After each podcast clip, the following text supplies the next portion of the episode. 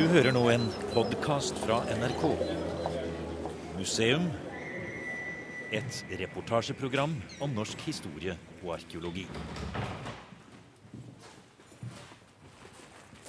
Det første nå i de senere årene at det er gått opp for meg hvor i høy grad jeg, eh, og sikkert alle de som bor her, har levd inn i historien som en helt naturlig ting. Her var jo gravhaugene, her lå bronsealderhaugene. Her fant en eh, de forskjellige fornminnene. Og det var en del av, Her var tuftene. Det var en del av vår hverdag, så vi lekte og sprang her og tenkte ikke så videre over det. Men eh, det var liksom å gå, gå omkring i den gamle historien som noe helt selvsagt.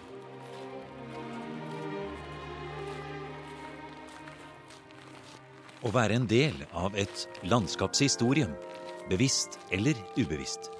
Nettopp dette var utgangspunktet for boka Den lengste historia.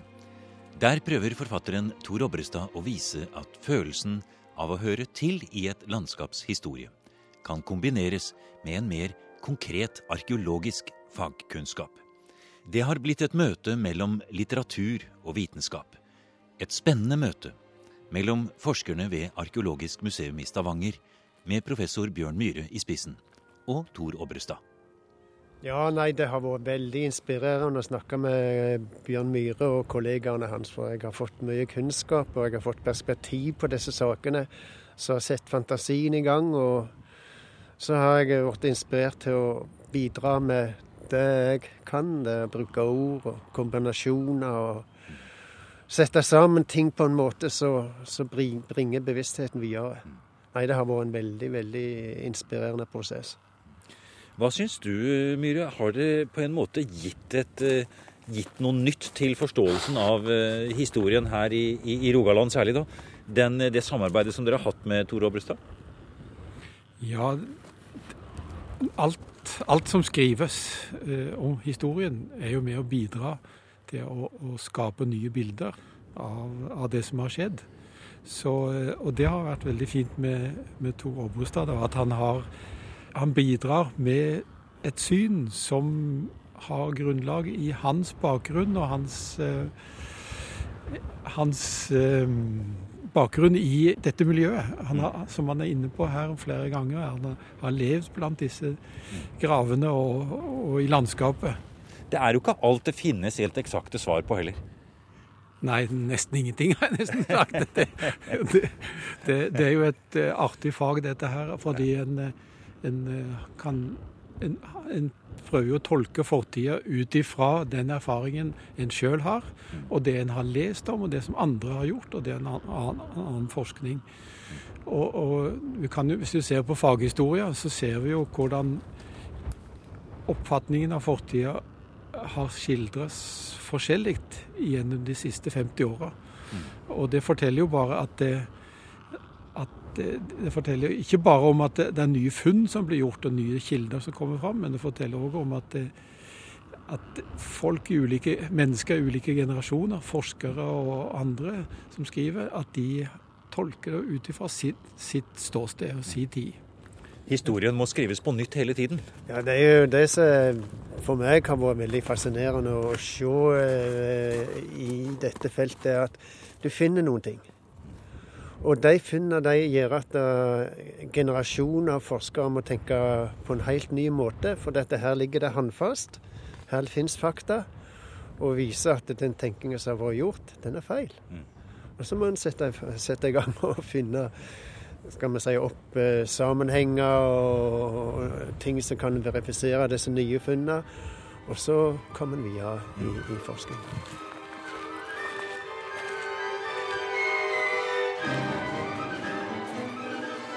I det forrige programmet fortalte Bjørn Myhre og Tor Obrestad om menneskene som kom hit for første gang for 11 000 år siden. Da stenaldermenneskene tok med seg kulturen fra Nordsjøfastlandet og slo seg ned langs Rogalandskysten. I dag skal vi gå litt lenger inn fra kysten. Vi reiser opp til Jærmuseet og går rundt i terrenget der. Nå står vi et stykke opp fra kysten og ser det bølgende jærlandskapet falle nedover mot Nordsjøen. Her ser du folkevandringstidslandskapet. Ja. Nesten bedre enn noen plass på Jæren. Ja, faktisk. Ja, du får, du får beskrive det for oss, uh, Myhre. Ja, nå ser vi jo ut over eh, en typisk hol på Jæren. En, høy, en høydedrag. Ja. Og med, som er eh, med mye stein, som vi ser i, i overflaten, men det er helt nedbeita av sau. Og det er et tørrlendt, godt område å, å ha åker og bo på. Og, og jernaldergårdene og de historisk kjente gårdene de ligger på sånne holer, på sånne hauger. Og, der, ja, det har de gjort da i, siden steinalderen. Og her er jo da fortsatt sauebeite, og det er et verneområde. Så her ligger det slik som det så ut på Jæren fra 1700 og fram, eh, stort sett. da. Og her kan vi se spor av gammel bebyggelse. Vi ser eh, bak sauene i det grønne beltet opp mot toppen av haugen der. Der ser vi en del stein som er rester av grunnmurene av et hus fra omkring år 500. Og ifra den husgrunnen så kan vi se rester av gamle steingjerder som går i skråningen ned mot oss. Det er steingjerder som har rast ned. Du ser bare grunnsteinene i gjerdet som stikker opp, og så ligger det nedraste steinene på begge sider av, av, av gardfaret, som det heter her. Og så vi kan se hvordan innmarka har vært inngjert. Vi ser steinrøyser, som er rydningsrøyser. Og på toppen er svær røys, som er en gravrøys. Og så ser vi da òg noen moderne steingjerder, som er lagd på eh, omkring 1900, kanskje litt før som skjærer gjennom landskapet og deler opp landskapet på en helt annen måte enn det var omkring år 500. Så vi får ulike landskap som vi ser spor av i terrenget, som ligger opp Kulturminnene ligger oppå hverandre i flere lag. Så vi kan danne oss et bilde av hvordan det så ut her på Jæren fra i de siste 2000 åra. Det, det, som er interessant her, som jeg ikke tenker på, det er at i motsetning til i dag, der all stein er fjerna fra den dyrka marka, så var dette dyrka mark. De bare spadde omkring steinene og dyrka i For de, de største steinene ser vi, de, de, de ligger der, de ligger der som, som, de lå i for 5000 år siden, kan du si. Og så ser vi også noen rester av eh, myrer og torvmyrer og drift av torvmyrer. I det hele tatt utviklingen av landbruket. Mm. Det er jo også en eh, viktig del av historien. Det er en viktig del av historien, for det at torv ble jo brukt eh, til bremsel i hundrevis av år herrene på Jæren. Det var den viktigste energien de hadde. Det hadde varme i husene da på, på vinteren. Da jeg var unge, så spadde vi ut disse myrene. Og fant disse store eikerøttene som vi la det tørk og senere sagt opp og brukte i ovnen. Så vi, vi spadde oss ned gjennom kulturlagene helt ned til Og det du la i ovnen der, det var jo eikerøttene fra den store skogen som Ja, 6000-5000 år eh, før Kristus. Ja. Så det var en del av kulturen vår, det å, å spa opp torv og tørke den og få den i hus før regnet kom om høsten. Og det er jo òg mer enn 2000-årig historie med å bruke torv som brensle under utgravinger av disse hu hustuftene fra folkevandringstid og romertid, så har vi jo funnet i ildsteder. Og der er det spor av eh, torv, som eh, forkøla torv, da, som de har brukt til å brenne. Så det, det, er helt siden skogen forsvant her, i, helt tilbake i bronsealderen, så har de brukt torv. det vil si, skogen forsvant vel ikke, Myhren? Den ble vel rett og slett uh, hogd ned? De, de brant den ned, og de hogde den ned, og, og svidde, For å skape plass til det nye landbruket? Det var det de gjorde da. Ja. Og særlig fra, fra, omkring årtusen og utover. Men det var en prosess da som har begynt enda noen hundre år tidligere. Men det var særlig fra årtusen og framover at det ble det helt snaue, nakne Jæren ble skapt. Og så, så, hadde de da denne her eh, som en utkikksstad. Ja. Der de fra denne toppen her kunne se på andre holer eller topper rundt forbi det nære området Og ha øyekontakt med skal vi si, høvdingens revir. Denne eh, militæranlegget, Bjørn Myhre, hvor er det det ligger henne nå? Ja, Det ligger på toppen av denne holen. Ja, ja. Og Du ser en stor gravrøys på toppen der. og militæranlegget. Med, som, der tyskerne hadde en, en, eh, både kanoner og de hadde en stor radar, eh, så vidt jeg vet, der oppe på toppen der. Det, det, det ligger innimellom For det er, jo tross alt ikke, det er jo ikke så langt ned til havet som vi ser der nede. Det er bare i luftlinje en, eh, en kilometer eller to, kanskje. Tre kilometer. Det er tre kilometer, ja. ja. Så, så også, også, under annen verdenskrig så, så, ble det brukt strategisk, altså? Det ble brukt strategisk, både som radaranlegg, og så vidt jeg husker av historien, så var det, hadde tyskerne en, en spesiell kanon ja. som de fikk frakta inn her. De lagde, så vidt jeg vet òg, til og med en jernbane for å frakte den fram på toppen der. Veldig langtrekkende kanon som kunne skyte helt ut i havet her oppe fra. Så du har yngste germanertid ja. innimellom eh, både eldre og yngre germanertid i jernalderen. her. Jeg, jeg husker når jeg var unge i frigjøringsdagene, så gikk vi opp her på Hanaberget og så tok vi ammunisjon. Raketter og skarp ammunisjon som vi sette på, la på steinene og kasta stein oppå så det smalt og suste omkring øyene våre. Og det var dynamitt så folk sprengte, og det var rene cowboytilstander i de frigjøringsdagene her på her på Jæren. At det ikke gikk flere folk til, det er et under.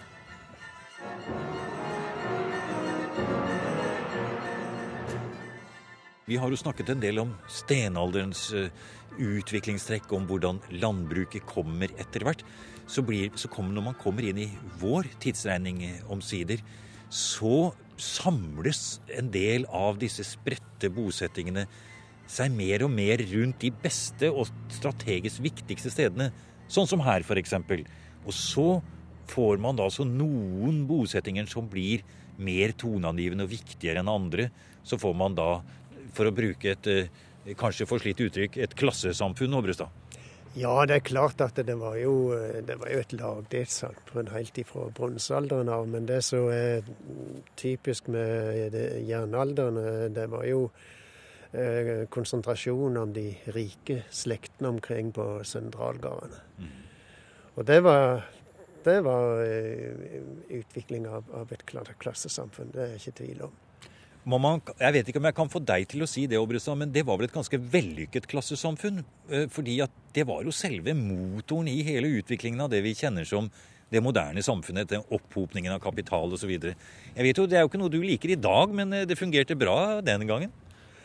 Ja, for de som var på toppen, så fungerte jo noe bra. Men jeg uh, skulle gjerne hatt en trail for den tida her, som kunne gitt sin mening om hvordan, hvordan det var den gangen. Det var ja. ikke så greit for han. Nei, den trailen som du sier, var, han var antagelig henta helt fra et annet sted. Og kanskje, kanskje, han fikk anledning til å starte et nytt liv her. Hva vet jeg. Det som var poenget mitt, det må du vel nesten kanskje nærme deg litt også, det er jo dette med at dette med opphopningen av kapital, det var forutsetningen for alle de trinnene som kommer etterpå i i den historien vi er jo så stolte av, som ender opp med vikingtiden? Ja, nei, de samla seg rikdom. Og med denne rikdommen så kunne de bygge skip og kjøpe våpen. Og så kunne de dra rundt og e- erobre verden. Første omgang nærmeste områdene, seinere så kom de over til Men la oss holde oss litt, eh, la oss holde oss litt Obrestad, i den første tiden der, etter at uh, vår tidsregning eh, begynner, og denne konsentrasjonen rundt enkelte steder begynner å komme litt forsiktig men er ennå i en startfase. Så viser det seg det at på noen få steder langs kysten her, så blir de altså så rike at de finner på å forsøke å invadere Jylland. Ja, jeg syns at det er noe av det mest fantastiske og spennende med vår nære historie, og som det er forska lite om. Men det viser at det var såpass mye overskudd her enten på folk eller på kapital, at de bygde store båter. Hadde de naust, det har jo Bjørn Myhre skrevet veldig detaljert om, så kunne det være opptil 40 meter lange. Og så fylte de disse båtene med folk og hester, og så rodde de, eller kan hende seilte de, over havet. Og så skulle jeg opp på Danmark. 600 år før eh, vikingtiden. Ja, altså Vi er i romersk jernalder nå. 200 etter 200, Kristus. 200. Ja. En stor hær på kanskje 1000-2000 mann med hester. Ja. Hester og full utrustning. Ja. Kom herfra, kanskje? Og Så tapte de, og så heiv danskene ned i en myr, og derfor veit vi det i dag. Ja. Men dette kom altså herfra, og det må ha vært et, forbund, av høvdinger langs kysten kanskje kan hende det er Lista, kan hende enda lenger sør, og så oppover til Haugesundstraktene. Ja, Hva tror du om dette funnet til Jørgen Ildkjær i Ildrup-Ådal nede ved Århusmyret, eh, hvor han altså har funnet resten av denne store hæren som kom herfra da 600 år før vikingtiden. Kan, kan det i det hele tatt ha vært mulig? Ja, det, det ser ingen problem med. Det, det kan vi se ut ifra befolkningsoverskuddet her, og av de rike funnene, av, av store naustuftene, av store gårder og hus, at det var et sivilisert samfunn etter den tids målestokk som var lik på mange måter med de sivilisasjonene som en hadde rundt Nordsjøen, i de angelsakserne i England, Eh, friserne i, i, i, Nederland, frankerne og dan, da, danene i Danmark. Og jeg har gjort noen forsøk på å telle opp uh, disse gårdsanleggene og, og, regne litt på folketall. Og det blir jo litt uh, Det blir jo ikke så, så eksakt, men det ser ut til da at fra 200 av og, og fram mot 400 så vokser folketallet fort opp imot en 4000 mennesker på Jæren. Og det ble omtrent det samme tallet som var i middelalderen. Så folketallet var der.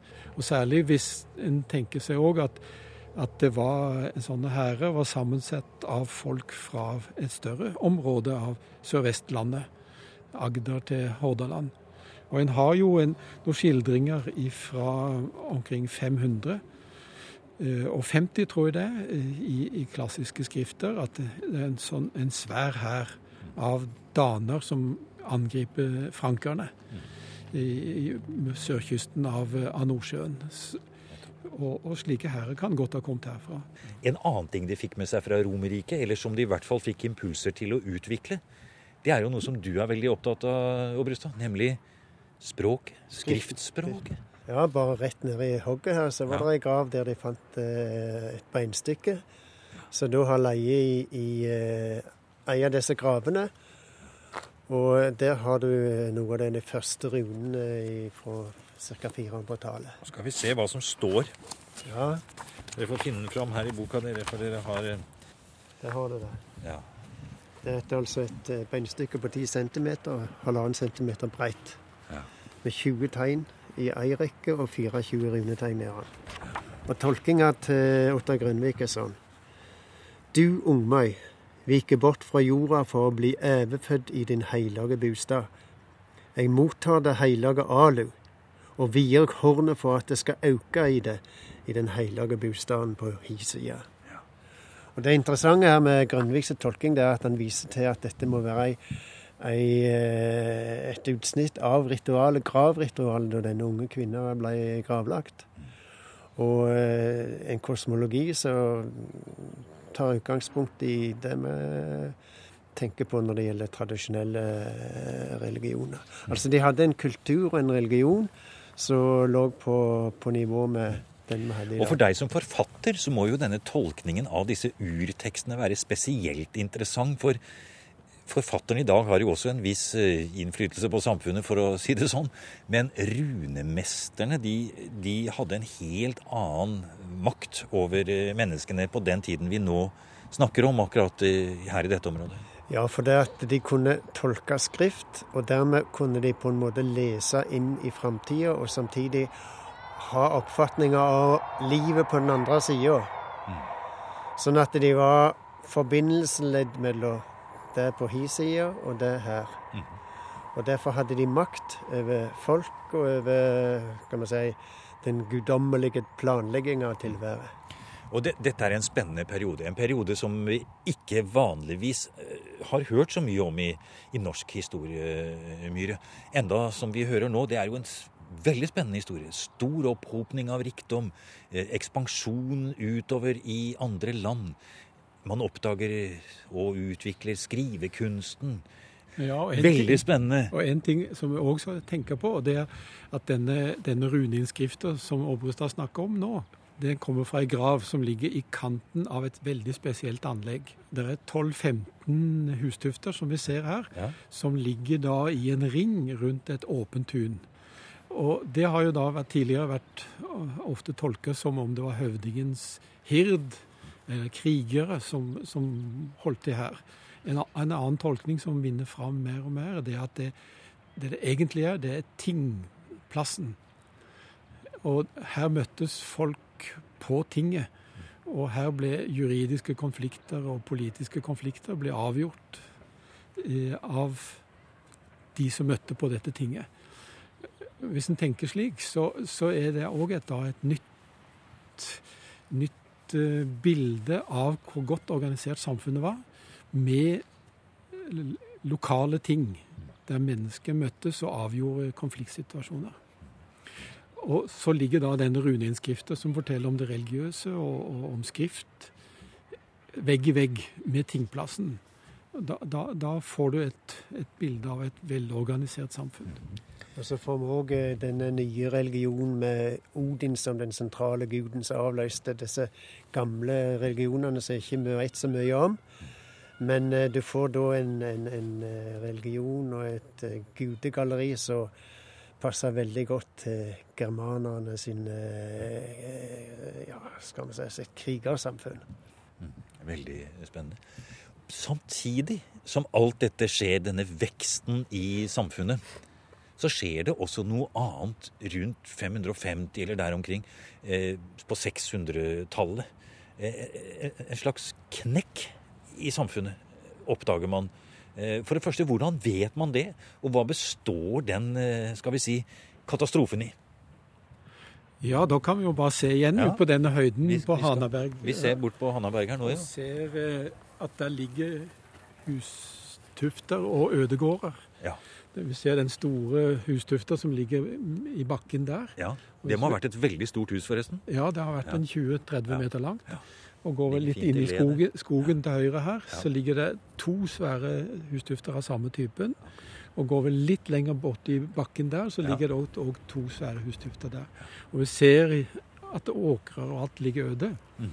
Så, så, eh, det er det som har gjort at en i første rekke da, at en ser at det er så mye øde, mm. gårder og øde åkre. At en har tenkt seg at det er en eh, Det skjedde en skjedde endring? Noe. At det ble, ble Befolkningstallet sank? Ja, det, det er det en har tenkt da. Men nå, og det som har vært gjeldende, gjeldende hypotese. Og det samme kan du se i vestkysten av Jylland. Du ser det i, i, i eh, Nord-Tyskland og ned mot Nederland, i, i hav, havområder, eller strandområdene der. Mm.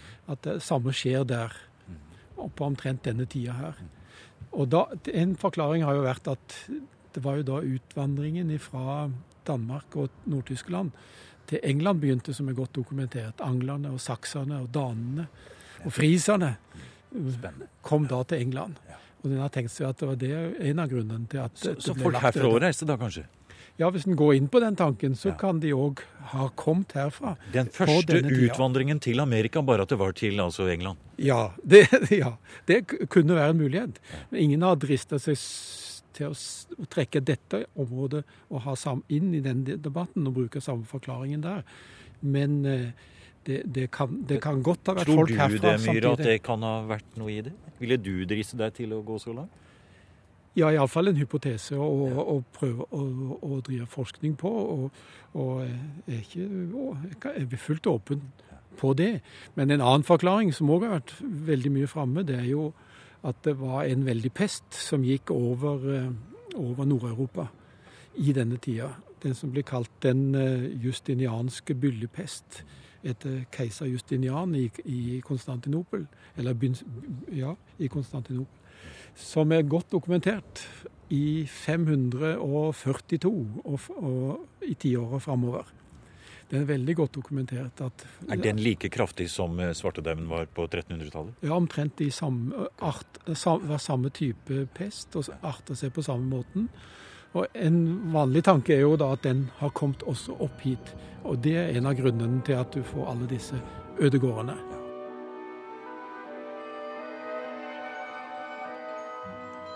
Og vi som skulle klatre på Håkon Adelstein ute på Obrestad jorde snakke om Harald Hårfagre og det mystiske Lochland, som de norske kongene i Dublin midt på 800-tallet var underlagt. Var det et annet navn på denne kysten? Men vi lot oss rive med av alt det spennende og kanskje litt ukjente som ligger i den rike historien om de første hundreårene inn i vår tidsregning. Vi skal absolutt komme tilbake både til slaget i Hafrsfjord og Dublin og York og Erling Skjalgsson i et senere museum. Nå forlater vi Jæren for denne gang og tenker litt på ordene til Tor Obrestad om hvordan det å være så nær historiens fotefar, gravhaugene, funnene, selve landskapet, gjør noe med oss som mennesker. Ja, tidligere så var det mer ubevisst. Det var en del av si, den naturen du gikk i, og en del av din egen natur.